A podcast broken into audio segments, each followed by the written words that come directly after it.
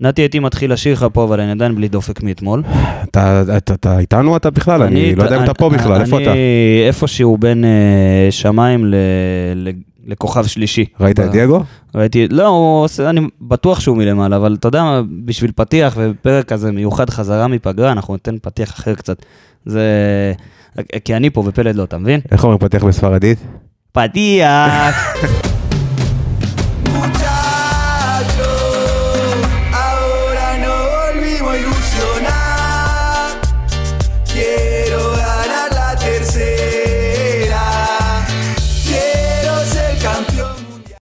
quiero ser campeón מונדיאל. איך הפתיח החדש? וואי וואי, חבל על הזמן, איזה אווירה, איזה התרגשות. הייתי מתחיל לשיר, אבל אנשים כבר יברחו לפני שהפרק התחיל. קודם כל, קודם כל, שלום, שלום, שלום לנתי קרוצ'י, שלום שלום. לאילי מרום וליקיר בן זקן. שלום, שחר מיכאלובסקי. שלום. קודם כל, שחר חורכה מיכלובסקי, עזוב את זה, זה כבר אה, צודק, אחרי צודק. המונדיאל אחרי וזה. הראשון לשמו. אתה, זה אתה אמרת, אבל קודם כל שלום לכולם, אנחנו באולפני קרוצ'י המאוחדים, אולפני פאקו המאוחדים. כן. וזהו, נגמר המונדיאל. אנחנו. נתעסק בו בחלק השני של הפרק, נעשה סיכום כזה יפה ל- לדבר המדהים הזה שנקרא מונדיאל ולדבר העוד יותר מדהים הזה ש, שכולם אה, ראינו, כולנו ראינו אתמול, ולא נראה לי שיצא לנו לראות עוד משהו כזה כמו, כמו גמר כזה. אבל קודם כל נתעסק בהפועל באר שבע. כן. אז uh, נזכיר לכולם שאנחנו מהפורמט של רפאל קבסה, אמת. פורמט האנליסטים, יש הרבה מאוד פודקאסטים מהבית הזה, כמו אנליסטים הפועל תל אביב, חנוכה שמח, ישועות. אז אה, כן, הם צריכים, אולי דמי חנוכה יעזרו להם. דמי גם, כן. אז אה, מכבי תל אביב, ישועות. מכבי חיפה, כל הישועות. כל מיני פודקאסטים נוספים, אם יש לכם איכשהו חברים שחס וחלילה אוהדים את הקבוצות האלה, שלחו אותם דוך אה, לשם לשמוע ולהאזין. ואתם יודעים איפה למצוא אותנו בכל הפלטפורמות, בפייסבוק, בטוויטר, באינסטגרם, בטיק טוק, ב- בכל אה, מקום אפשרי שאתם רק רוצים, אפל פודקאסט, גוגל פודקאסט, אה, ספוטיפיי כמובן, כל מקום שאתם רק רוצים, ו- וזהו, אפשר להתחיל. אפשר להתחיל, אני בהחלט רק, אפשר רק להתחיל. נגיד ששוב, המונדיאל הזה, אה, ראינו אתכם, עשינו אירועים. ארגנו צפיות משותפות, היה כיף לא נורמלי. וואי, מקווים uh, לראות אתכם שוב בעתיד הלא רחוק, שוב באירועים uh, מהסוג הזה, ואנחנו חוזרים בכל הכוח. לגמרי אני, בכל לא, הכוח. אני לא יכול להגיד שהייתה פגרה לא הייתה פגרה בכלל, היה חודש אינטנסיבי בטירוף. אינטנסיבי אני חושב ב- בכל הבחינות. ברמה קיצונית, אבל וואו. אנחנו חוזרים בכל הכוח. וואי וואי, כן, לגמרי. אז נתי, אני ויקיר כאן, אה, אני במיוחד, אתה יודע, משפחה ארגנטינאית אה, למופת. יקיר אה, בחר את הצד שלנו כמובן, היינו מושקעים במונדיאל ברמת רגש קיצונית וברמה ש... ברור. אה, סיפרתי לכם קודם, אני פתחתי באמת בטעות, באמת בטעות, את גביע הטוטו, איזה חדרה נגד אה, נתניה זה היה, משהו כזה, בין שלב השמינית לרבע, כיביתי ישר את פשוט. הטלוויזיה, זה לא היה פשוט, זה לא היה לא פשוט. פשוט בכלל. אז, אז לא ראיתי את המשחק של הפועל באר שבע, אני מודה ומתוודה. בגלל זה אתם פה, אתה, יקיר, אילי, שלושתכם כאן כדי לעשות סדר, בשבילי ובשביל המאזינים קודם כל, במה היה במשחק, ואנחנו עושה את זה לפי חוליות. לעשות סדר בחוסר סדר. בדיוק, חוס, סדר בחוסר סדר. אנחנו נעשה את זה לפי חוליות. קודם כל בבקשה. נפתח עם השוער שלנו כמובן, זה חוליה בפני עצמה. עמרי גלאזר, עמרי גלאזר. אה, אהוב המדור, מה שנקרא. נכון. וגם אה, אחד היציבים בקבוצה לאורך זמן, גם במשחק הזה, אני חושב שלא, תקנו אותי אם אני טועה, לא היה משהו ספציפי שהוא היה יכול לעשות אשדוד אה, אחרת. כמעט ולא לא יצרה... לא יצרה משהו מצבים, היא התעסקה בעיקר בלהתגונן, ומדקה 70 בערך להתחיל אה, להיפצע מכל דבר. אה, זה מתאים לי"א, לא? כן. אה, עמרי לא, לא כל כך אה, היה צריך למתוח את האיברים, אולי פעם אחת. אה, מעבר לזה שום דבר, כלום ושום דבר. אז תשמע- אה, עמרי סך הכל משחק סולידי. זהו, אז הוא באמת, אה, תשמע, יש אנשים שמקשרים, אתה יודע, אה, חוליית הגנה לשוער, אני אוהב להפריד את זה, כי זה די סיפור שונה. נעבור לחוליית הגנה. כן. תן לי את זה, תן לי את זה. איך אתה רואה את המשחק כחוליה? אני לא יודע אם אתם יודעים, אבל גם מיגל ויטור היה, מיגל ויטור היה חצי גמור במשחק הזה. ראו את זה. אבל, עדיין צריך. לעשות את ההשוואה של משחק שעבר שהוא לא שיחק, לעומת לא משחק משנה. הזה שהוא כן שיחק, בדיוק. ואתה רואה את ההבדל אה, שאשדוד כמעט ולא עשתה שום דבר, לעומת משחק שעבר בגביע, שהם עשו מה שהם רוצים. אמנם היום גם היינו, במשחק האחרון גם היינו חלשים, אבל ראית את היציבות בהגנה ואת הביטחון המטורף שהוא נותן לכל הקבוצה הזאת. חד משמעית. אני ויטור. את ויטור עם רגל אחת, יד אחת, על כל בלם, ב... כל בלם בליגה הישראלית. זה, תשמע, זה נכון, כי... כי הוא, הוא מיגל ויטור, הוא הבלם הכי גדול שדרך בהפועל באר שבע. ולדעתי בארץ נקודה. מסכים. ו- וזה משרה לך הרבה יותר אה, ביטחון, ו- ועזוב את הקלישאות האלה, אבל זה מיגל ויטור. כן. הוא קלישאה בפני עצמה. כן, אז, אבל אם אתה שם לב למשהו נגיד בחוליית הגנה, אז ראית, ראית נגיד, שגיב יחזקאל אה, לא היה. נכון, בהרכב, לא פתח בהרכב, פתח. אור דדיה פתח. חוץ מזה זו הייתה חוליית הגנה די קבועה שלך. נכון, עם אבו עביד. עם אבו עביד אה, ולופס בצד שמאל. אה, נרחיב, אה, טוב, מיגל אמרנו, זה מיגל, זה מיגל אפילו שהוא חצי מת, חצי חולה. לגבי אה, גם נתן משחק טוב, ולא, אי אפשר שלא לציין בסוף את ההקרבה חייב, שלו. וואו. חייב, חייב. איזה מלך. ממש מלך, הוא היה האחרון מול, מול השוער עם השחקן של אשדוד שהגיע מול השער, ואם הוא לא עושה את העבירה הזו ומקבל את האדום, אז אנחנו באחד-אחד וממשיכים להתבאס ולבכות על הנאחס מול אשדוד. אז אה, יד גדול, הקרבה שבאמת אה, מדהימה. אה, זהו, לא מאשים אותו בשום איך- דבר, איך אתה, אם אם אמרת. אשדוד, ישבה מאחורה, כן, ודי התגוננה, ולא באמת אה, ניסתה לעשות אה, משהו, אז, אה, אז איך אתה מסכם לי את המשחק של חוליית הגנה כאילו, אתה יודע, כחוליה. זאת אומרת, איפה, איפה הם עמדו? הם דחפו את הכדור גבוה, הם, ניס, הם היו חלק בהנעת הכדור. אז זהו, שאנחנו במשחק הזה שלטנו הרבה יותר בכדור מאשדוד. אשדוד, גם במשחק הזה וגם במשחק הקודם, הם באו לצופף, הם לא באו לשלוט במשחק, לא באו להכתיב קצב. אה, כמו שאתה מכיר, הכדורים הלכו הרבה לכיוון ההגנה, לכיוון מיגל, לכיוון אה, יד, אה, שלשניהם יש משחק רגל לא רע. אה, ואכן, כן, דחפו קדימה, ניסו לדחוף קדימה. אה, אור דדיה שלב נרחיב בהמשך גם אה, היה חלק מזה, אבל הוא לא היה במשחק הכי טוב שלו. לופז, לעומת זאת, לדעתי, המשחק דווקא סבבה יחסית, אה, זה די סביר. מגדיר את לופז, נקודה. כן, מאוד, כן, פר וכזה, אבל יותר טוב מדדיה זה בטוח. סך הכל חוליית ההגנה עמדה טוב. אה, זהו, לא, לא משהו מיוחד לציין, מעבר לזה שאור דדיה באמת, באמת, משחק שני רצוף, אה, כמובן מול אשדוד, אה, נראה לא טוב, לא... והוא מקבל את ההזדמנות אחרי שחצי עונה לפני הפגרה הזאת, כן. בעצם שגיב יחזקאל אה, נכון, ניצל את הצ'אנס הזה והראה שהוא שווה הרכב בבאר שבע, ועכשיו שדדיה מקבל בחזרה את הצ'אנס הזה בהרכב, הוא לא נראה טוב. משהו שאני רוצה לציין בהקשר הזה, זה שכש...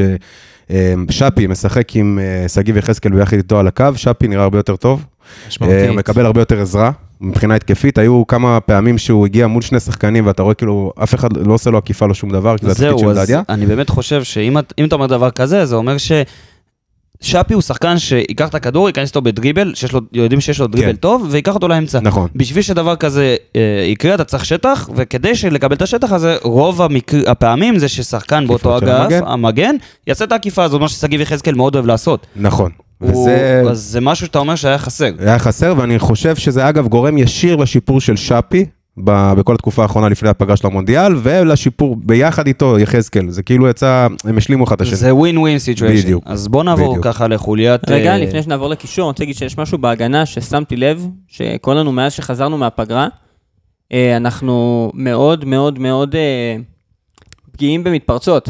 אנחנו, במעבר, גם מעברים. במשחק הזה, אשדוד הגיעו, ל... לא ניצלו, אבל היה להם המון מצבים של מתפרצות, ונראה שיש לנו בעיה של אני, איטיות. אני אגיד לך מה, אני לא... כי אומר זה קבוצתי, חזרה להגנה זה קבוצתי. אז זהו, אז אני לא הייתי...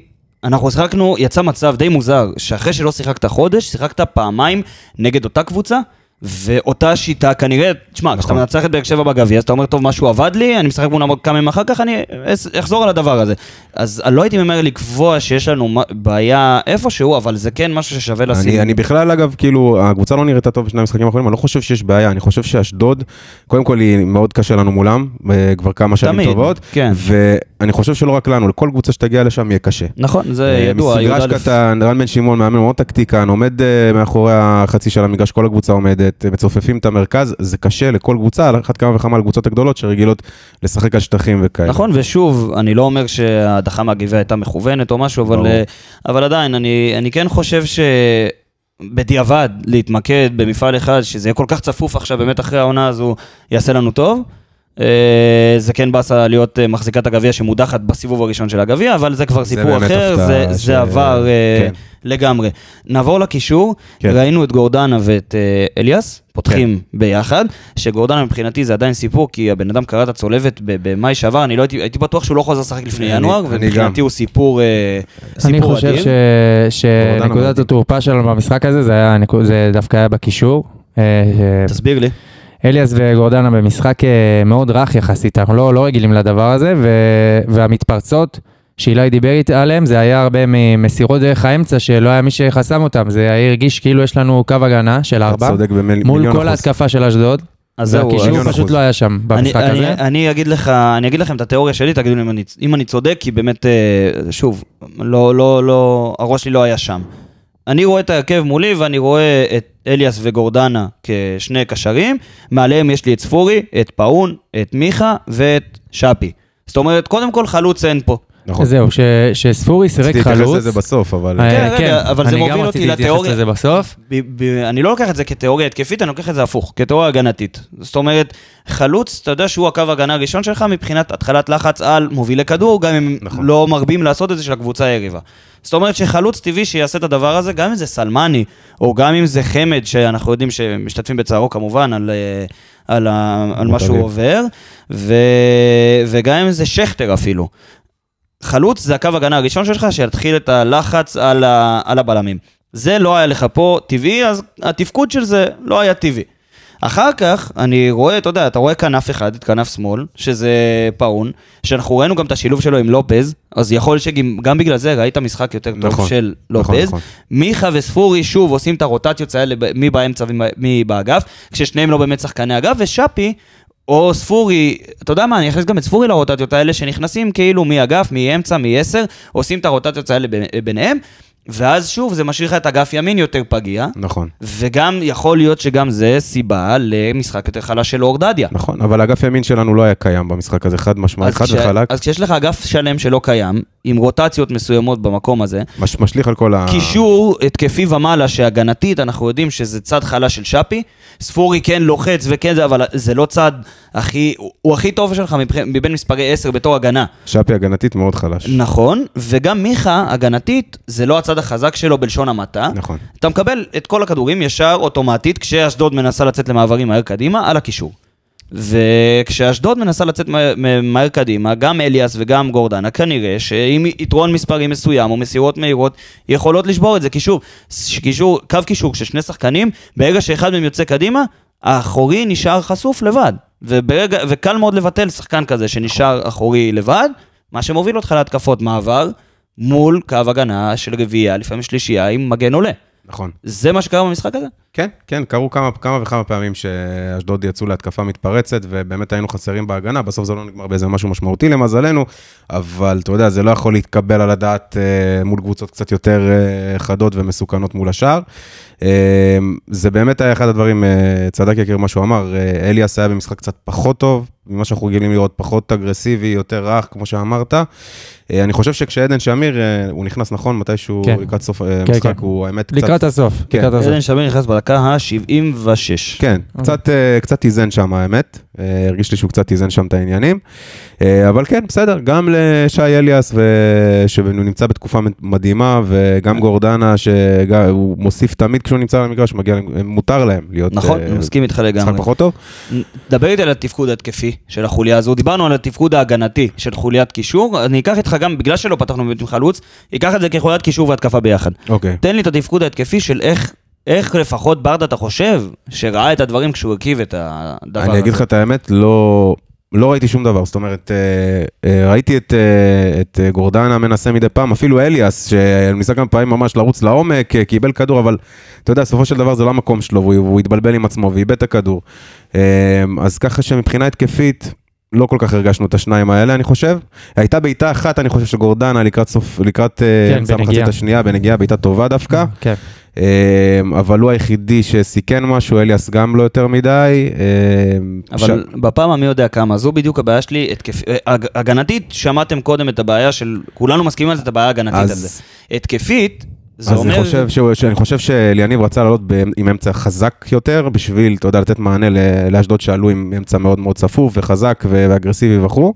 אבל בסוף האמצע שלך היה מורכב משני בדיוק. שחקנים, ואחד משני השחקנים האלה צריך כל פעם, אתה יודע, אתה תוקעים גורדנה באמצע ימין, ואליאס באמצע שמאל, שמאל. זאת אומרת שכשיהיה לך התקפה מאזור ימין, אז גורדנה ייכנס נכון. ויבעט, ואם תהיה לך התקפה משמאל, אז אליאס יצטרך לעשות את זה זה. לא היה מאוזן, כי, כי יש לך גם את מיכה שנמצא במרכז המגרש, אה, רק בעמדה אחרת, שהוא לא תורם כלל וכלל אה, למאמצים הגנתיים. אז זהו, נוצר אז- מצב שאם גורדנה יוצא קדימה, או אם אליאס יוצא קדימה, אתה מופקר מבחינת האמצע, וזה גם... אם אה, ספורי לא בצד, וספורי בכלל שהיה בשפיץ, אז זהו, אז אם ספורי בשפיץ והוא לא בצד לסגור את זה, גם לא שפי וגם לא מיכה יעשו את ההגנה הזו, נכון, ואז פה נבע באמת... בדיוק ה- המעברים. יפה, אז אני רוצה להגיע לנקודה של איך ניצחנו.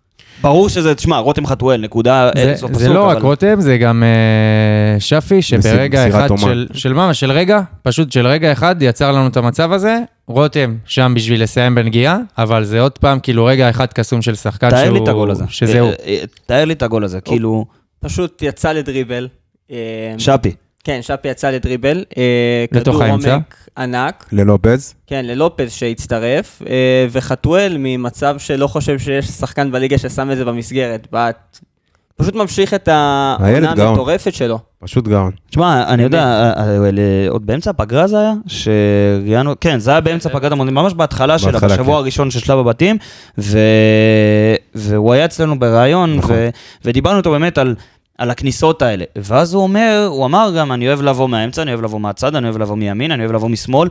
אה, אה, לשחק כחלוץ הוא, הוא כל כך מגוון, וזה עושה אותו כל כך לא צפוי, וסיומת כזאתי, מדהים, מדהים. היא, היא מה שאתה צריך במשחק ששום דבר לא עובד. אם אני מדהים. זוכר נכון, בהתחלה של המהלך, הוא יצא ללחץ על אה, מגן של אשדוד, דבר שגרם לו להיות באמצע של המגרש. נכון. אה, וזה בדיוק, אה, הוא הגיע כאילו מהאמצע, הוא אני נשאר חושב שהוא שם. לחץ על אחד ואז- הבלמים אפילו. אז זהו, כן. אתה יודע, אם כדור, זאת שיטה, לדוגמה, זאת תבנית מסוימת, של, היא לא תבנית התקפה, אבל היא תבנית לחץ, שאם הכדור הולך למוביל כדור מסוים אצל אשדוד או יריבה כל- כזאת או אחרת באגף, אתה לוחץ אותו מהאגף, מכניס אותו לאמצע, יש לך אמצע יותר חזק, יותר התקפי, חטפת את הכדור, אתה יכול אני להבקיע. יכול, אני, אני, מתג... אני מת להבין גם את הקטע עם ספורי, אני, אני, זה, זה יושב לי פשוט... בתור חלוץ, אני חושב לא ש... מצליח להבין את זה. אני חושב שהניסוי הזה של אליניב, אני מבין את הרעיון, זה לא עבד בשום צורה, אבל אני מבין את הרעיון ש... שעומד מאחוריו? כן. מה זאת אומרת? יאללה, תסביר תחכים לי. אותי. אה, יש לנו את החלוצים שלנו, כולם מכירים אותם. אני לא חושב שמישהו אחד מהם הוא איכותי, חוץ מרותם, שאני חושב שרותם צריך להתחיל לשחק אתה מחשיב מהיום. את ו- רותם בתור חלוץ? אני, אני מחשיב אותו כחלוץ, אני לא חושב ש, שהקבוצה מחשיבה אותו כחלוץ. אני, אם הייתי, אם הייתי אליניב, הייתי פותח איתו כחלוץ של הפועל באר שבע, לא עם סלמני, לא עם חמד, לא עם שכטר. אבל uh, בגלל שהוא לא נחשב כחלוץ, וגם כשהוא נכנס, הוא נכנס לקו. Uh, במצב כזה, אנחנו רואים את דור מיכה, נותן הרבה כדורי עומק, uh, ראינו במיוחד לפני הפגרה, המון המון כדורי עומק אדירים, אלכסונים, שיוצרים מצבים של השתלטות בעיטה. אף אחד מהחלוצים שלנו לא הצליח לעשות את זה לאורך כל החצי עונה הראשונה. רמזי ספורי, אם הוא כן כן, מקבל כדורים כאלה, כן. הוא כן יעשה את זה. במשחק האחרון, ש... שרמזי שיחק כחלוץ, דור מיכה לא היה במשחק טוב, וזה השפיע על רמזי ספורי. כי רמזי ספורי כחלוץ הוא לא ייצור לעצמו, הוא לא יכול לעשות לבד מול כל הבלמים, הוא צריך את דור מיכה מאחוריו, שייתן את הכדורים האלה לרמזי שהוא ישתלט עליהם. היו דקות ארוכות שרמזי היה מתוסכל. היה לגמרי. פשוט מתוסכל, כי הוא לא קיבל. כדורים בכלל. לגמרי. הוא היה שם, מסתובב שם כמו איזה מישהו אבוד בכל האזור של ההגנה של של אשדוד, מפה לפה, כל הזמן מסמן עם הידיים, קצת מתוסכל כזה. שמע, אנחנו יודעים שרמזי ספורי בשביל להיות טוב, צריך את הכדור אצלו ברגל. חד משמעית. גם... זה, זה היה ניסוי, זה היה ניסוי, כי באמת, לא אתה מצד אחד. מוותר על, לא על בנוח. רמזי עם הכדור, אבל מצד שני אתה רוצה להרוויח את הסיומת של רמזי, מול השאר, משהו שאין להרבה שחקנים בקבוצה הזאת. זהו, אז זה קצת ביצה ותרנגולת, אתה יודע מה, זה, את הסיכום משחק הזה אנחנו הבנו, אנחנו, העיקר שניצחנו, ובאמת, אם, זה היה חשוב, אם, זה אם חשוב, מה. אם הודחנו מהגביע, במיוחד אחרי פגרה ואחרי הרבה זמן שלא שיחקו, אז, אה, אז ניצחון זה משהו שהוא טוב וחשוב בליגה הזו, אם אתה רוצה להישאר במאבק על מקום ראשון. ואנחנו מאוד קרובים לינואר. אז לפי מה שאמרת לי פה, אם אתה עכשיו הפועל באר שבע, סטייל החלוץ שאתה מחפש, זה קודם כל אתה מחפש חלוץ, לפי מה שאמרת לי עכשיו. מסכים לגמרי. אני דבר- חושב שמגן ימין ברמה, אז- אנחנו כרגע יותר דחוף מחלוץ מבחינתי. אבל אני רוצה להתחבר שנייה לפני מגן ימין, לפני באמת שנגיע באמת ל- ל- לגעת ממש בקטנה בינואר. יקיר אמר פה דבר חשוב, שאף אחד מהשחקנים שלך ב- ב- כחלוצים, שנחשבים כחלוצים, אולי רותם חתואל, זה לא שחקן שיש לו מספיק טכניקה לבצע את, מה ש... את הניסוי הזה שברדה רצה לראות עם רמזי ספורי. וגם חד כן, משמעית, אם כן. היית עם חלוץ משמעותי, אה, חלוץ שבלי קשר לרותם, כן, כמובן שזה מבורך כל, כל השערים שלו, אם היינו עם חלוץ, עם, אתה יודע, אתה יודע, שנותן מספרים, מנפק מספרים, אנחנו היינו במקום אחר עכשיו יכול להיות, בטבלה. יכול להיות, אז אני, אני חושב... ובאירופה, סביר להניח. יכול להיות אז שהסטייל חלוץ שאתה מחפש זה אחד, או חלוץ עם הגב לשער, שידע אה, חזק ולהתמודד עם הגב לשער, שידע להוריד את הכדור לרמזי ספורי מקו שני, או חלוץ טכני שישלט ויעשה את העבודה הזאת שעשו בניסוי הזה על רמזי ספורי. מתאים לנו אני- טכני. אני מחפש מישהו שסלמני היה אמור להיות, סטייל שזה- סלמני, שזה חצי, פשוט חצי. חלוץ שיודע פשוט לרבוש שערים, לעשות הכל מהכל כביכול, הוא יהיה הראונד כזה. חצי מהיר, חצי חזק, יוריד כדורים זה- שצריך, יעשה את התנועות. סלמני היה אמור להיות השחקן הזה, ואחרי חצי עונה אפשר להגיד בבירור שהוא רחוק מלהיות השחקן הזה.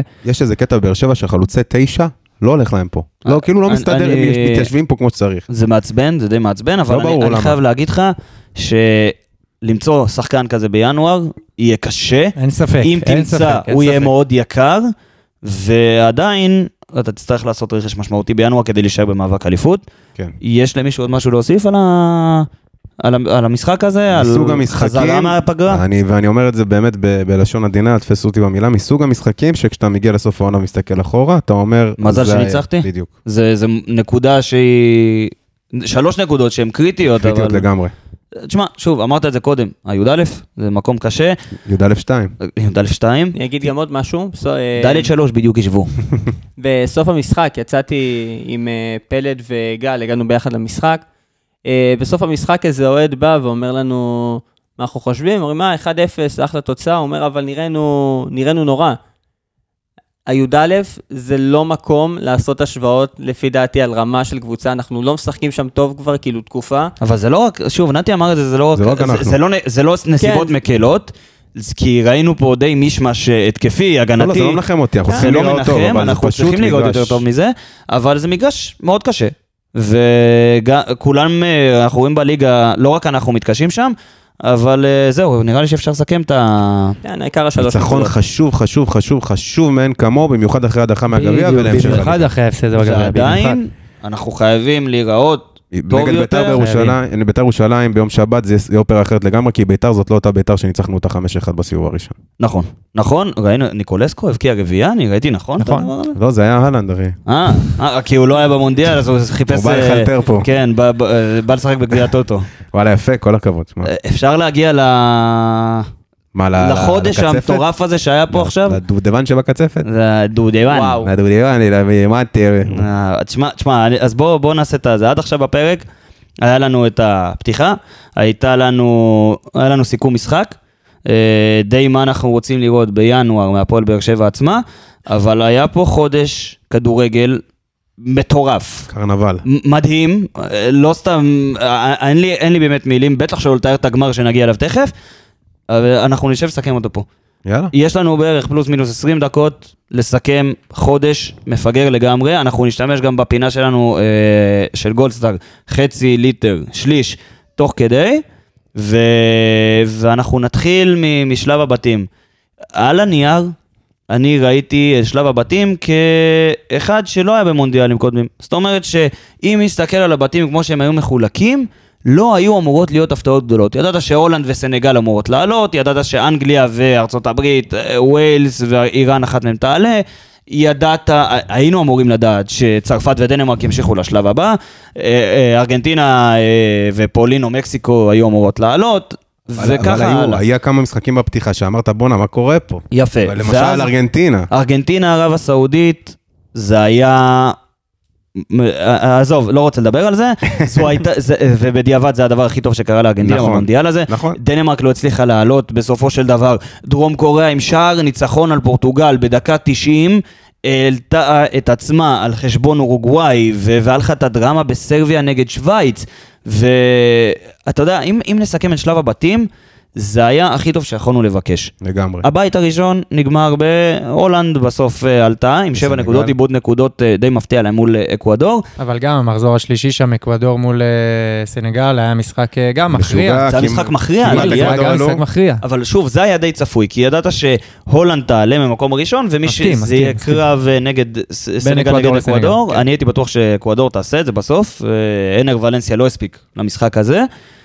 אחר כך בבית השני, אתה יודע, אנגליה נתנה את השישייה שלה בהתחלה לאיראן, ה- אני לא יודע איך להגדיר אותה בכלל, ואחר כך זה התגלגל, אבל אם ניקח את שלב הבתים הזה כ- כסיכום, זה קודם כל, אף פעם אל תיקחו מונדיאל כדבר שהוא צפוי והכל יהיה ידוע מראש, ממש לא. כי ראינו את זה עם דנמרק. שפתאום התרסקה, ראינו את זה עם בלגיה, שבכלל לא עברה את שלב הבתים, רומלו לוקקו במחזור השלישי באחת מהופעות החלוץ. אני הכי לא- גרועות שאני וואו, זוכר.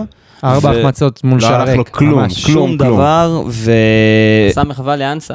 עשה, כן, יש מצב. וואו, וואי, לא דיברנו על זה, אבל... וואי, הנגיחה אני חייב שלו. לציין את הנגיחה. של אנסה. תקשיבו, לא ראיתי דבר...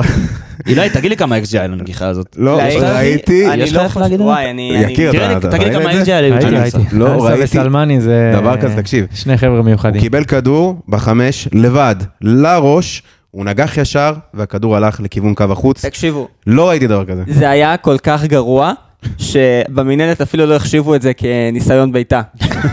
אחי, כי זה לא הלך לשער. מה, הוא מסר עם הראש? אחי, הוא נגח לכיוון השער, והכדור הלך לכיוון החוץ. אני יש- קו אני- הרוחב, כאילו. זה לא הגיוני ביולוגית. אני אגיד משהו, הייתי ליד, אה, הייתי ליד גל במשחק, אה, וכשאנסה נכנס, הוא בא, הוא אומר, הייתי לידו וליד שחר, הוא אומר לנו, אני אוהב את ההכנסה של אנסה, אני אוהב את זה, אנחנו משחקים על שטחים, זה יכול לעבוד. אני- אני גם אוהב אותו מאוד. אני חושב שהוא גם עזר לנו קצת לקראת הסוף, אבל אה, ו- זה באמת היה אולי משהו זה מיוחד. עוד מישהו שאנחנו מתייחסים אליו כחלוץ ומתייחסים אליו לא- לא בתפקיד הנכון? אני לא חושב שיש לו, שיש לו מקום בהפועל באר שבע בשום תפקיד.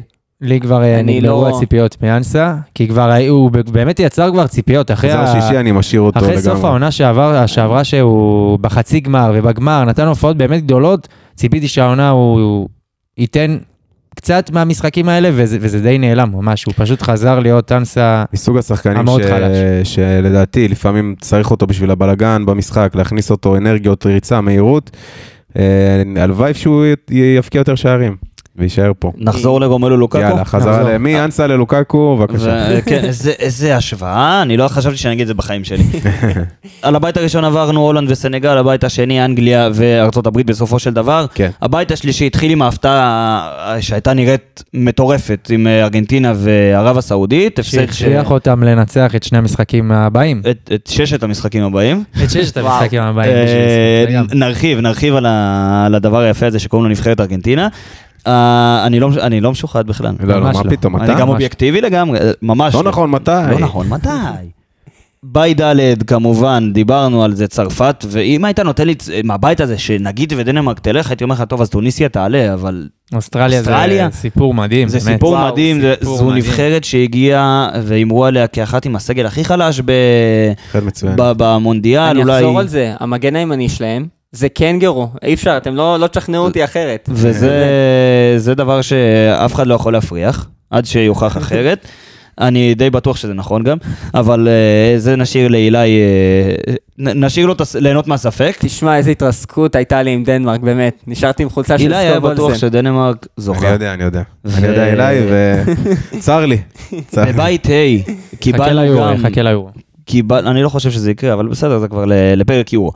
בבית ה' קיבלנו את, אה, את אחת גם, אחת הסנסצ- הסנסציות הכי גדולות שראינו, ויפן עלתה במקום הראשון, ספרד עלתה במקום השני אחרי חישובים... בית כאן היו כנראה מדהימים. הזוי, בית בית היו. מדהימים. גרמניה... אגב, הדקה הזאת, הדקה שקרה שם במחזור שקוסטה- שלנו, יפן קוסטה עלו? ריקה ויפן עלו, וואו, וואו. אז זה- זה לא הייתה דקה, זה היה- שלוש דקות, 70 עד 73. וואו. וזה באמת היה עד הגמר אולי הדקות הכי מטורפות שהיו במונדיאל הזה. תקשיב, כמות הדברים המטורפים שקרו במונדיאל הזה, באמת. זה לא היה נורמלי, באמת שזה לא היה נורמלי. בסופו של דבר יפן עלתה מהמקום הראשון, ספרד עלתה מהמקום השני, חשבה שהנה אני פוגשת את מרוקו בשמינית, לא עזר לה, ספוילר קטן.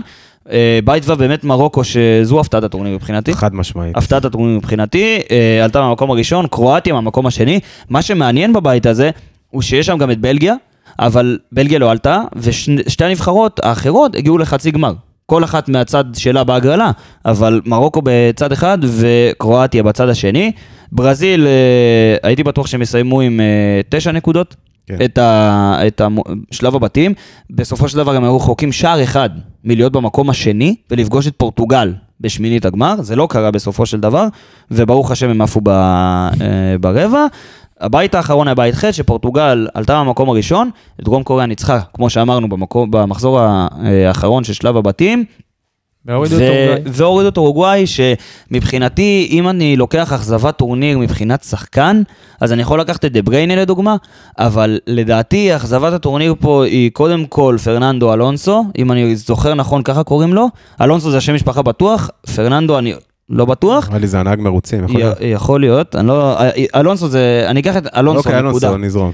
זה המאמן של אורוגוואי, והתפקוד שלו, איך שהוא הציב את פדריקו ולוורדה, גרם לי לבחור בפדריקו ולוורדה כמאכזב מבחינתי, לא כל כך באשמתו, אבל ראו שבמשחק האחרון, או שבשני משחקים הראשונים שנתנו לו בדקות האחרונות את האשראי הזה לצאת קדימה, הוא בעט. למשקוף ו- וכמעט ו... שחקן ענק. כמעט והכריע את הכל, כשמגבילים את השחקן הזה, אתה אורוגוואי מפסיד. שילמו, אורוגוואי שילמו על ה- על ה- בעלייה בעצם בגלל שני המשחקים הראשונים שהם פשוט לא שיחקו. אורוגוואי לא בעטו המסגרת בדיוק, נגד דרום קוריאה. בדיוק, בדיוק, כן, הם לא- לא לא שיחקו, הם לא שיחקו בשני מחזורים הראשונים, והם פרננדו זה עלה אלונסו? להם ב... כן, זה כן, הנהג כן. מרוצים. אז, אז אלונסו זה גם המאמן של אה, אורוגוואי, אז ככה יכול התבלבל להיות לי. שהם התחלפו בטעות. אה, בזה. הגיוני, תשמע, אורוגוואי עפה. בבתים. אבל משם, משלב הבתים הענק הזה שהיה, אה, נעבור לשמינית, לשמיניות. בשמינית הראשונה ציפו שתהיה, אם, אם ציפיתי שתהיה הפתעה, אז חשבתי שארה"ב יכולה להפתיע את הולנד, אבל ארה"ב, זה כמעט קרה. זה, כמעט, זה לא כמעט קרה, כי הולנד הייתה עליונה עליהם, ואני אסביר גם למה. מבחינה טקטית, ארה"ב הראתה בכל שלב הבתים שיש לה בלמים שהם לא ברמה, שהיא שולחת את המגנים שלהם את דסט ואהרונסון המון, מלא מלא, אה, פשוט קדימה. פשוט כשחקני כנף, האמצע שלה היה חזק, מאוד אתלטי, היא בנתה על זה, אבל מול הולנד זה לא הספיק. מול מערך שהוא של שלושה בלמים, שהחוזקה שלו היא, הם המגנים בעצם שעולים, אתה לא יכול לשחק ככה. זה המשחק הטוב ביותר של הולנד בטורניר השמינית הזו, זה, זה בדיוק הולנד. זה איך שהולנד רוצה להיראות אה, של ונחל, בדיוק המשחק הזה של שמינית הגמר מול אה, הברית עם השלושה בלמים, שני מגנים שתוקפים בצורה מושלמת, עם דמפריס, שראינו את זה גם קורה ביורו, ו... וזה קרה מצוין. טורניר טוב של דמפריס. נכון, המשחק השני בשמינית היה ארגנטינה נגד אוסטרליה, ששם לדעתי אה, סקלוני הוכיח כמה הוא... הוא... רציתי לדבר על סקלוני. זהו, אנחנו חיכיתי נדבר עליו, לדבר על חכה, סקלוני. אנחנו נדבר על סקלוני. אנחנו נדבר על סקלוני. אני חושב ב- שסקלוני זה המפתח ל- אתה למונדיאל. יודע. מה, אז חכה, לפני שאנחנו ממשיכים איתו, אני רוצה לתת את השליש. זאת אומרת, אמרנו ניתן את הפינה הזו. בחלקים. השליש שלי, זאת אומרת, נזכיר לכולם את הפינה שלנו החדשה עם גולדסטאר כמובן. נכון. אנחנו נחלק לחצי, ליטר ושליש. חצי זה, אתה יודע, אה, לפה ולשם, הציון אה, מבחינת טורניר אנחנו ניתן אותו כאן. כמובן שמשחקים של אה, באר שבע אנחנו ניתן את זה יותר אה, פר שחקן, ואתם מוזמנים כמובן להשתתף. אתם יכולים גם להגיב לנו בפוסט של הפרק שיעלה ולבחור אם אתם רוצים על המונדיאל או המשחק נגד אשדוד, מה שתרצו. השליש שלי, אחרי שלב הבתים, הוא כבר נקבע, שזה כל הנבחרות האירופאיות שהגיעו מאוד מאוד מאכזבות. אם זו גרמניה, אם זו ספרד. שעלתה ועפה בלגיה. בשמינית, והייתה גם מאכזבת בבתים לדעתי ספרד. למרות 7-0, אם זו בלגיה, ו... ו... ודנמרק כמובן. דנמרק, סרביה וואו. אפילו ציפיתי מהם קצת יותר ל- לגרד. גם. אני. אני עכשיו אני בודק את זה, אה, אני, לפי דעתי, היו איזה שש טורנירים רצופים שאירופאיות לקחו. נכון. אה, אנחנו מדברים על 2002 שהיה ברזיל, ואחרי נכון. 2002 היה לך את אה, 2006, את אה, איטליה, ספרד אחרי ספרד, ב-2010, גרמניה גרמניה. ב-2014 עם אריו גצה, שאלוהים ישמור, וספרד. ב-2018, לא, ארבע טורנירים אה, רצופים. אבל הייתה, זו שליטה אירופאית שהייתה בתקופות האלה, כן. אה, ואת האמת שאם הם מבקשים ממני לבחור אה, זוכה, אז כאילו נתתי את דנמרק, אבל לא חשבתי לרגע שנבחרת לא אירופאית אה, תיקח את זה. אז ארגנטינה האמת שהייתה... שאני חשבתי מההתחלה שארגנטינה נכון. וברזיל היו הפייבוריטיות בגדול. בטורניר לא, הזה. נכון. ההימור של שלושתנו, את האמת, היה ארגנטינה. ארגנטינה, אמרתי מבפה ייקח מלך שערים, זה קרה בסוף, נכון? זה קרה. זהו. אה, בוא בוא לא נרחיב. על ההימור מעבר לזה. אבל נעבור באמת לשמינית. אם אמרנו שהשליש היה נבחרות אירופאיות, הנבחרת הזוכה, בסופו של דבר גם ארגנטינה, אה, היא הרבה בזכות אה, שני ליונלים, מסי וסקלוני, וסקלוני הוכיח נגד אוסטרליה כמה הוא גדול. ולמה? כי... הוא לא פחד באמצע המשחק גם לשנות את השיטה שלו כמה פעמים נגד אוסטרליה. הקטנה. נגד אוסטרליה ציבור מארגנטינה שתבוא. ותדרוס והכל, אבל סקלוני הגיב. סקלוני הגיב אחרי ההפסד לערב הסעודית, הוא הגיב אחרי המשחק המחצית הראשונה הלא טובה נגד מקסיקו, שמאז אנסו פרננדס נכנס והיה מצוין לאורך כל הטורניר, ונגד אוסטרליה הקטנה הוא ראה שהיא אה, לא עובד לו 4-3-3 בהתחלה, עבר ל-4-4-2, היה טוב, הבקיע, ראה שבתחילת המחצית השנייה הם התחילו ללחוץ יותר ויותר עם שני חלוצים, עבר לשלושה בלמים, די הסתבך לקראת הסוף, אבל ידע להגיב כמו שצריך. אגב, רק על אה, ה- גם למשחק של אה, ארגנטינה-אוסטרליה, היה שם איזה קטע בדקה ה-80 ב-2-1, שזה שחקן אלמוני יצא אתה לדריבל, אמרת כאילו, מגן. זה היה מגן היה- השמאלי. זה היה מגן הס... אה, זה האח של הקנגרו. אח של הקנגרו, אה. ו- וליסנדרו מרטינס עשה- שם אה, מסצ'רנו. וזה היה מדהים. ועוד משהו שהיה במשחק הזה. דקה 90 שם, אמי אה, מרטינס. קיבלנו טעימה ראשונה מדיבו מרטינס. וואו. יפן במשחק אחר כך אה, הפסידה לקרואטיה בפנדלים. אה, אני חושב שקרואטיה פשוט הוכיחה את החוזק שלה. אחר כך היה לנו את ברזיל שריסקה את דרום קוריאה 4-1, ושנייה אני, אנחנו נתקרב לזה, לתוצאות האלה. צרפת ניצחה 3-1 את פולין במשחק די צפוי, אנגליה את סנגל 3-0 גם במשחק די צפוי, מרוקו התחילה את ה... המשיכה את ההפתעה שלה נ... אה, בפנדלים אחרי 0-0 נגד ספרד, ואני אדבר על מרוקו אחרי המשחק נגד אה, פורטוגל. ברבע, ופורטוגל באמת ניצחה 6-1 את שווייץ. עכשיו, מה משותף לכל התוצאות הגבוהות האלה? אם אנחנו רואים 6-2 את אנגליה, 6-1 את פורטוגל, 4-1 על ברזיל, אה, של ברזיל, על אה, דרום קוריאה, 7-0 של ספרד על קוסטה ריקה, ואנחנו שמים לב שתוצאות גבוהות, במיוחד בשלבים המוקדמים, לא אומרים שום דבר. לא, התוצאות האלה לא אומרות שום דבר. ה-7-0 של ספרד הגיע נגד קוסטה ריקה מפורקת. ה-6-1 הזה של ברזיל קרה כשבפעם הראשונה בהיסטוריה של המאמן של אה, שווייץ, שבאמת תסלח לי, אלוהים שאני לא זוכר את השם שלו, פתח עם שלושה בלמים. נגד אה, אותה פורטוגל, ראינו חוסר תיאום משווע, ופורטוגל, בדרך האמצע בעיקר, ופורטוגל פשוט ניצלה את זה. דרום קוריאה שיחקה נגד, אפשר להגיד קסמירו ועוד אחד, את פקטה באמצע, מול אפס, עם אפס קשרי אמצע. אנחנו ראינו שמי שלא מגיב טקטית וכופה, או עם רעיונות שהם גם לא וכל טובים, משחק הוא לגופו, כל משחק הוא כמו גמר גביע. נכון. בקיצור, אין שם משחק שאתה אומר, טוב, זהו, אני הולך לנצח את הבית, את הבתים האלה, כל קבוצה מגיעה, אתה יודע, להילחם עד ה- עד טיפת הדם האחרונה. ראינו שמי שעושה שינויים טקטיים ו- ומי בכוח, שמגיב. משלם על זה, ומי שמגיב בחוכמה, עובר את השלבים האלה. המשחק הראשון של אה, רבע הגמר היה באמת המשחק הפסיכי של ארגנטינה נגד אה, הולנד, וואו. שארגנטינה הובילה עד הדקה 83 2-0. ואז התרגיל בחופשית. ואז גם אה, ואן חאל גם עשה בצדק, שהכניס פה שני אה, עמודי חשמל. ורהוסט. ו- וורהאוסט אה, ולוק דה יונג עם וורהאוסט שהחליף את ברחוויין וכל השמות ההולנדים האלה, וראינו את ה-2-2 הזה. וארגנטינה בפעם הראשונה, לא בפעם הראשונה, אבל אה, הוכיחה באמת אופי והצליחה אופי להתגבר על זה. מטורף, אופי מטורף, מטורף. עוד קיבלנו את אה, דיבו מרטינס בפנדלים באותו משחק. אה, כמילה, להוס- בובו, אני רוצה להוסיף על, ה... על התרגיל שהולנד עשו. מדהים. אני מדהים. חייב להגיד שזה איזושהי נקודת תורפה של השחקן ששוכב מאחורי החומה.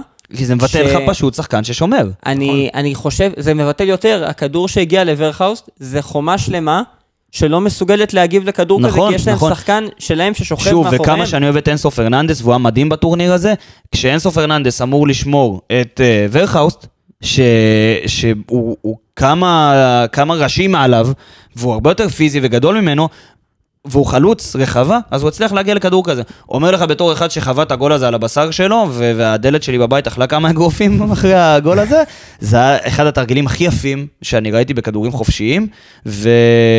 וזה היה מדהים, אבל האופי של ארגנטינה הוכיח את עצמו בפעם ה... לא הראשונה, אבל אולי השלישית בטורניר איזה הזה. כיף זה להגיד את זה בדיעבד. בדיעבד זה ענק. זה שאתה אומר אחד הדברים שתמיד שאלו. אותי, מה ארגנטינה, אתה רוצה שאתה אומר ארגנטינה ייקחו מה, בגלל מסי? אז אמרתי לא. הייתה לי תחושה רגע, כזאת. חכה עם זה, כפרה עליך חכה. אה, אוקיי. חכה, חכה עם זה, נגיע לזה בסוף, זה הפינת וסקלוני, אני ליטר. חייב להגיד עוד כמה זה. גם, זה הפינת ליטר שאנחנו נגיד את זה, רגע. אה, קרואטיה הדיחה את ברזיל. במשחק המוקדם של אותו יום. עכשיו, אני, אה, יקיר יעיד, אה, גם בתור אוהד ארגנטינה, אני בכלל בתור אה, נכד לסבתא שלי ארגנטינאית, היא ראתה שברזיל עפו הייתה בעננים, אני לא הסכמתי לשמוח עד שארגנטינה לא ניצחו. ממש, זה מרגיש לגמרי. לי, זה, זה מרגיש לי כל באר שבע של אירופה השנה. ש... לא זה, אבל כאילו... כן, אבל- אבל- שמכבי חיפה לא מנצחת, אבל כאילו נגיד... אה, זה מאוד, יש נקודות שלנו. דמיון, יש נקודות אני דמיון. הרגשתי ממש ככה. וזו הייתה הפתעה, אבל קרואטיה פשוט עשתה את הדבר שהצבענו עליו כשדיברנו על ההכנה למונדיאל הזה, שברזיל משחקת רק עם קסמירו באמצע, האמצע של קרואטיה, שהיה לא עם, מודריץ'. ברוזוביץ' וקובצ'יץ', זה כמה שקסמירו גדול, וקסמירו גדול, הוא לא יכול לשלוש השחקנים עדיין, ברמה אה, הזו. כן, הוא עדיין בן אדם. שברזיל, הנקודת תורפה שלה זה תהיה הקישור בטורניר הזה. הקישור והמגנים. איך הגיע הגול של קרואטיה? עיבוד כדור של כן. נאמר כעשר ב... כשברזיל הלכה כולה קדימה, נכון, לא נכון, מבין את המהלך נכון, הזה. ל... אה, לכיוון האגף, ומשם לאמצע, איפה שהקשרים האחוריים, אחד מהם יצא, השאיר חלל, ואחת אחת דקה 117. אנגליה וצרפת, זה היה המשחק הראשון שאני יכול, המשחק הראשון והיחיד בטורניר הזה שראיתי ואמרתי, בואנה, אפשר לעצור את אמבפה, ואנגליה עשו את זה יפה, רק לא השכילו רגע, לנצל את זה. אבל מה היה במשחק הזה? אנחנו... אנחנו כולנו התכנסנו. אנחנו היינו בחמש במשחק כן. הזה. הקהל המדהים שלנו שהגיע. וואי וואי וואי. והיה משחק מטורף, היה. מטורף, היה הרבה שערים, הרבה צ'ייסרים עפו שם באוויר. אה, תשמע, קייל ווקר, קייל, קייל אני אגיד לך מה, ווקר. זה יותר מזה, כי גארת' סאות'גייט הגיב לזה, גם הוא הגיב די באיחור, ב- באזור המחצית הוא עבר לסוג של שלושה בלמים, ששחררו את ווקר לבוא ולסגור את זה אישית, כשיש לך עוד בלם שמגבה נכון, ועוד קשר. נכון. אה, זה לא היה ארבע, שלושה בלמים כהרכב, זה היה שלושה בלמים כסוג של תבנית. כן, מה שכן ראיתי ש... אה, אה, איך קוראים לו? לא- לא הגיב אליו, זה שזה שצ'ואמני, לא צ'ואמני, קונדה. הוא פתח כמגן ימני, נכון. נכון? אה, וזו לא העמדה הט- הטבעית שלו. הוא עבר לסוג של בלם. נכון. אנחנו רואים את זה גם בברצלונה. והיו צריכים לתקוף אותו מהצד הזה, כי אה, קונדה לא, לא הכי טוב אה, בעמדת המגן, רואים שזה קצת אה, לא... קשה לו. קשה לו, ולא ניצלו את הנקודת תורפה הזאת, ודווקא אנגליה להפך. שילמה על זה בדיוק. עם הפנדל המוחמד של נכון. ארי קיין, והיא בעצם הודחה. המשחק הבא שממנו רציתי להגיע לפורטוגל, הוא אה, מרוקו שניצחה אותה 1-0. עכשיו, פורטוגל זה סיפור וקריסטיאנו רונלדו, ואני לא חושב שיש על מה להתעכב על זה. מה אני כן רוצה להתעכב עליו? על מרוקו. כי מרוקו קיבלה את ספרד ופורטוגל כיריבות בהזמנה. שתיהן שיחקו נגד מרוקו, כמו שמרוקו רוצה לקבל יריבה. כזו ש... משכו איתם את המשחק. שרוצה את הכדור, כזו שתיתן לי להניע והכל בסדר, ואני אצא מהר למעברים נכון. ואפתיע. נגד ספרד היא לא הצליחה להפתיע, הגיעה לפנדלים וניצחה, ונגד פורטוגל היא יצאה למעבר אחד טוב, טעות של אה, דיוגו קוסטה השוער, כן. ועלייה מטורפת של אה, אנסירי, וואו. וכאן נגמר המשחק הזה והסיפור של פורטוגל בעצם בטורניר הזה. החצי הראשון היה תצוגת תכלית של ארגנטינה נגד קרואטיה, שדיברנו על ברזיל, ששיחקה עם קסמירו מול העולם, בקישור, אה, קרב הקישור הזה, וארגנטינה, מה שעוד תגובה של סקלוני, מה הוא. פשוט עשה? 4-4-2, הכניס גם את פרדס להרכב, וזה פשוט יצר 4 על 3, יתרון מספרי, כל פעם קשר אחד יצא למודריץ', קובצ'יץ', ברוזוביץ', ברוזוביץ', לפי מי שהניע את הכדור, ו... וככה בעצם ארגנטינה ניצלה את, ה... את הדבר הזה, ולאו מסי שפשוט החזיר אותי ל-2011, יש לי צמרמורות עכשיו בגוף שאני מדבר על זה, על הבישול האימא'לה הזה, וואו. אבל אם מישהו מהמשחק הזה אני לוקח, זה חוליאן אלוורס. זה חוליאן אלוורס, ש... אז פאקו נתן לנו פה שנייה איזה, איזה התראה שהוא כאן, אבל אה, חוליאן אלוורס היה הסיפור של המשחק הזה, עם צמד וסחיטת פנדל. ולאו מסי, אתה יודע, השער הזה שאמרתי שהוא החזיר אותי ל-2011, זה, זה גם לא היה על סתם שחקן, זה היה על בלם, ש- אה, שהיה מצוין כל. הטורניר הזה, הוא היה מדהים תחת לחץ, תחת כל דבר שזרקו עליו בטורניר הזה, חוץ מאחד, שזה לאו מסי. הוא הגן יפה נגד בני אדם.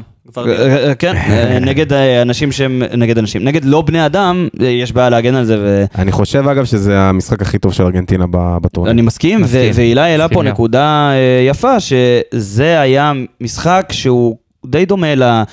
ברור שלא ב- ב- בתעודה שלו, של 7-1 על ברזיל, במרקנה של גרמניה אז ב-2014, כן. אבל שהוכיח באמת אלופה שניצחה בתצוגה מטורפת בחצי גמר. נכון. החצי גמר השני, חצי הגמר השני, היה של צרפת נגד אה, מרוקו, שצרפת ראו מה ש...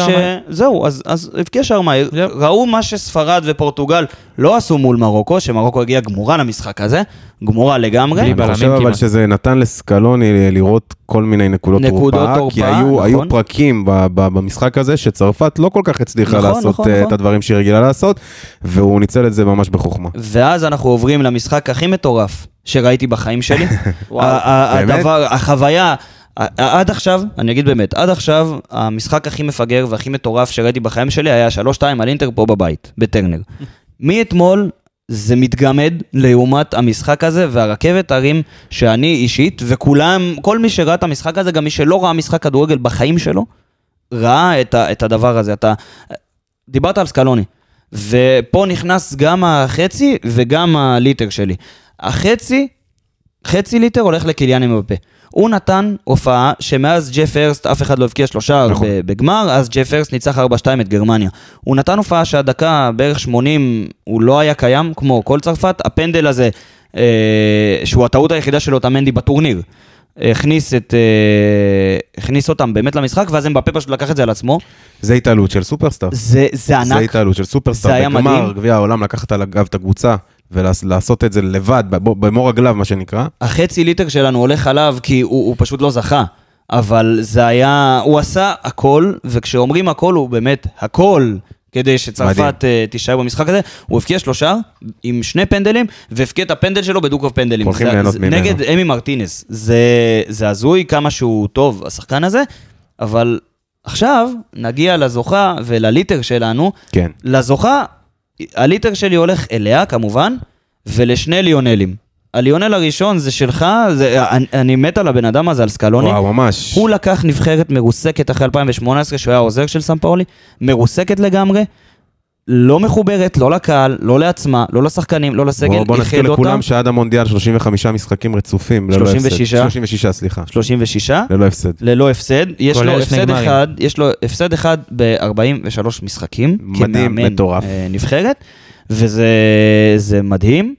ועדיין, אני רוצה עוד יותר, אה, קו- קודם כל הוא מתאים את עצמו טקטית לכל יריבה ולכל אה, לכל עניין לגופו. מה שהוא עשה במשחק הזה, הוא פשוט ביטל את צרפת לגמרי. הכניס את דימריה שהיה פצוע. שזה היה הברקה אדירה. יש סרטון, אני, אתה יודע מה, אני אני, אני כולכם. תמצאו את הסרטון הזה, אני גם מחפש אותו, של הגוארו, חגג איתם, ובחדר הלבשה הוא מסתכל על דימריה, והוא אמר לו, אה, קופה אמריקה ומונדיאל, שני גמרים רצוף. ואז דימריה מסתכל עליו, גם בוומבלי הבקעתי, נגד אה, איטליה, ואז הגוארו בשוק. שלושה גמרים רצופים עם ארגנטינה. שחקן של מאני טיים. באחד, הוא גם ניצח נגד ברזיל, נגד, אה, נגד אה, איטליה בוומבלי בפינליסימה הוא היה מדהים, ויצא לי ברוך השם לראות את זה בעיניים, ואתמול, אחרי שהוא לא שיחק והיה פצוע בטורניר, והגיע לגמר וגם הבקיע וסחט פנדל. וארגנטינה בעצם ביטלה את, את אה, צרפת לגמרי עד הדקה ה-80, והפנדל הזה, שזה באמת הטעות היחידה של אוטמנדי, שהיה מטורף בכל המשחק הזה, אה, הכניס, הכניס את צרפת, וכשאתה מכניס את אמבפה לעניינים, אתה משלם על זה, וזה לא נגמר, וצרפת קמה, וארגנטינה קמה, וצרפת קמה, ואז מסי מבקיע בהערכה, וצרפת עוד פעם, ואז מגיעה הדקה 123, שמשם מבחינתי אפשר להתחיל לספר את הסיפור הזה, אחורה, שאמי מרטינס לוקח הצלה, באחד על אחד, של אה, אה, קולומני, הצלת טורניר. זה היה מדהים, זה היה מדהים, באמת, אין לי מילים. אם השער הזה היה נכנס, תחשוב כאילו איפה, איפה הכל היה מתהפך, איזה, איזה. טירוף. זה הצלה שבעצם הביאה את ובגלל המונדיאל. זה, מרטינז, מבחינתי, כשמסתכלים על המשחק הזה, זה המשחק שלו, נקודה. אז, אז פה, גם, גם עם השלושר של אמבפה, אז הבן גם- אדם הזה הביא לארגנטינה את, ה, את גביע העולם. אז, אז פה בדיוק נכנס, נכנסת נקודת הליטר שלי. כולם, שמענו את זה בכל כך הרבה פעמים בטורניר הזה, זה מסי, מסי הולך הביתה, מסי בסכנת הדחה, האם מסי ימשיך, האם מסי יזכה בגביע, אבל אז אתה מדבר בעצם על הגמר, ומדבר על הטורניר אחורה, ואז אתה אומר, טוב, אז אינסו פרננדס, היה מדהים מהרגע שהוא דרך על הדשא נגד מקסיקו כחילוף, וגם נגד פולין, אה, נגד אה, ערב הסעודית הוא שיחק קצת, אבל נגד פולין הוא נכנס להרכב רשמית, מההתחלה ועד הסוף, ולא יצא ממנו עד סוף הטורניר. ו...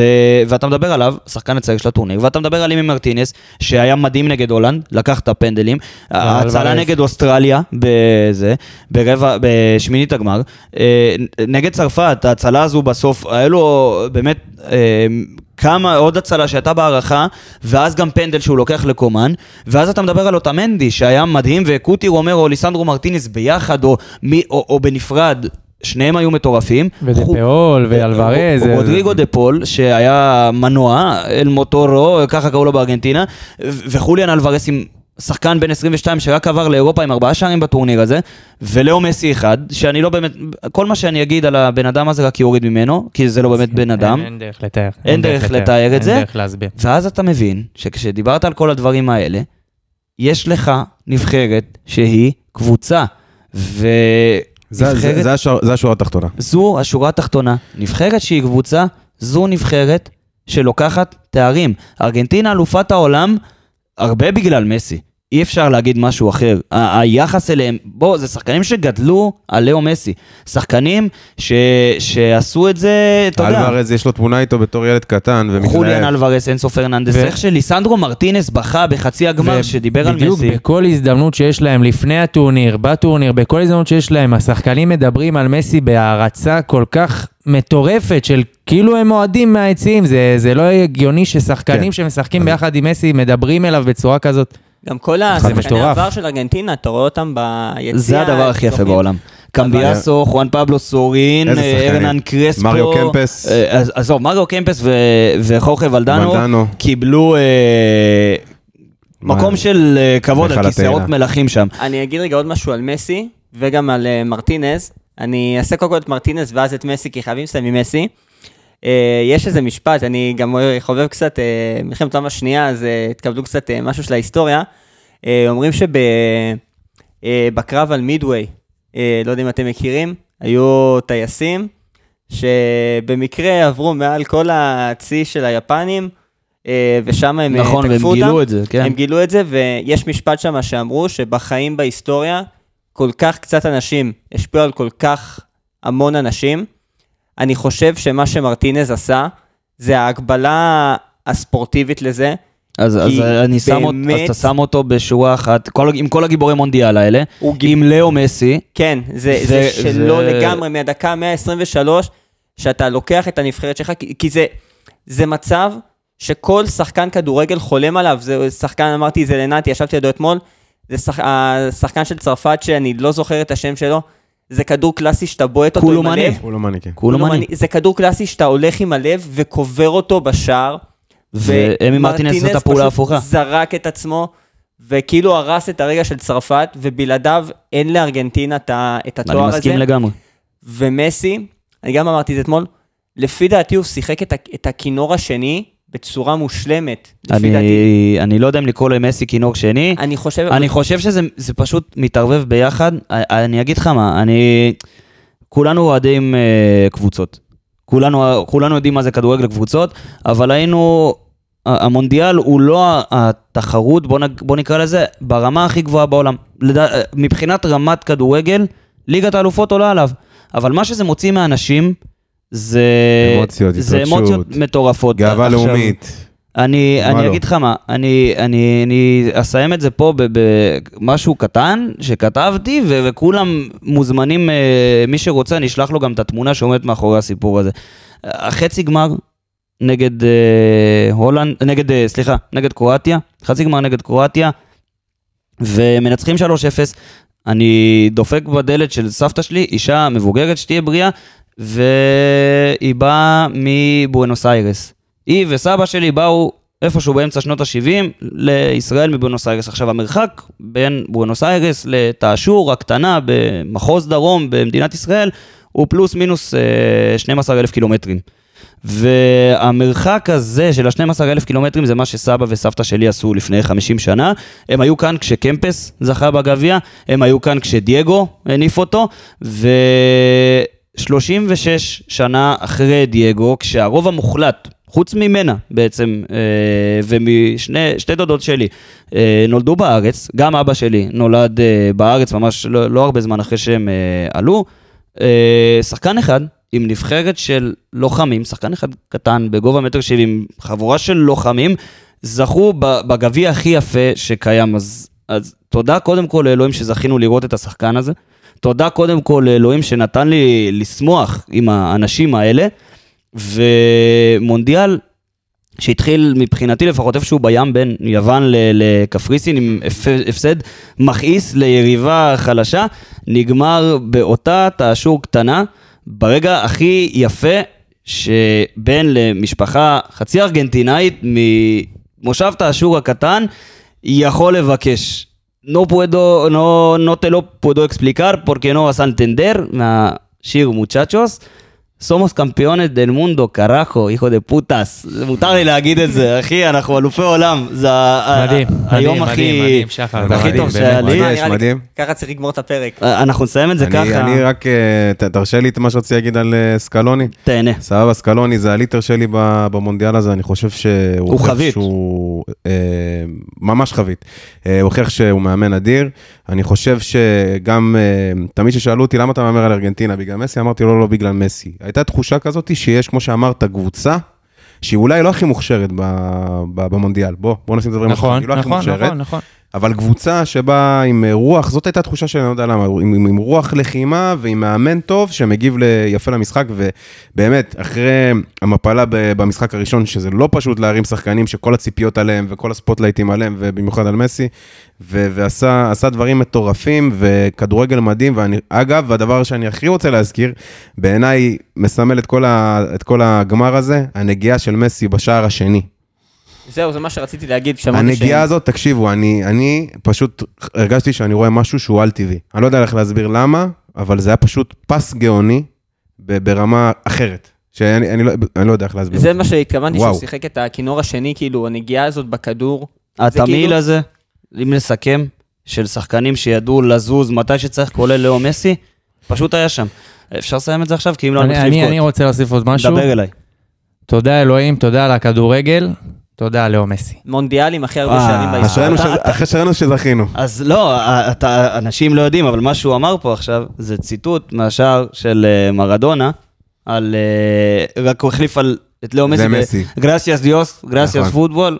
נכון. זה פה לפוטבול, פה יפה, יפה, מרדונה. פה זה לגמינוס. רגע, לפני שתסגרו עם משהו על ארגנטינה, כי חייב, זה המונדיאלים הכי הרבה שערים בהיסטוריה. 172. אה, ואהבנו, אני, אתה יודע, כאילו להיות היפה נפש כאלה, להגיד כאילו, למה בקטר, בדיעבד, זה באמת המונדיאל אולי הכי גדול, הכי גדול שלי יצא לראות, ואולי... הגמר כ- חד משמעית הכי גדול. כאחד. הגדולים, היה במונדיאל הזה כל כך הרבה רגעים ענקיים שעברנו עליו, אמרנו על כל הרגעים האלה בסיכום. המונדיאל הזה, שאני רוצה להגיד תודה, שיצא לי לראות אותו מ... כנקודת מבט של אוהד ניטרלי.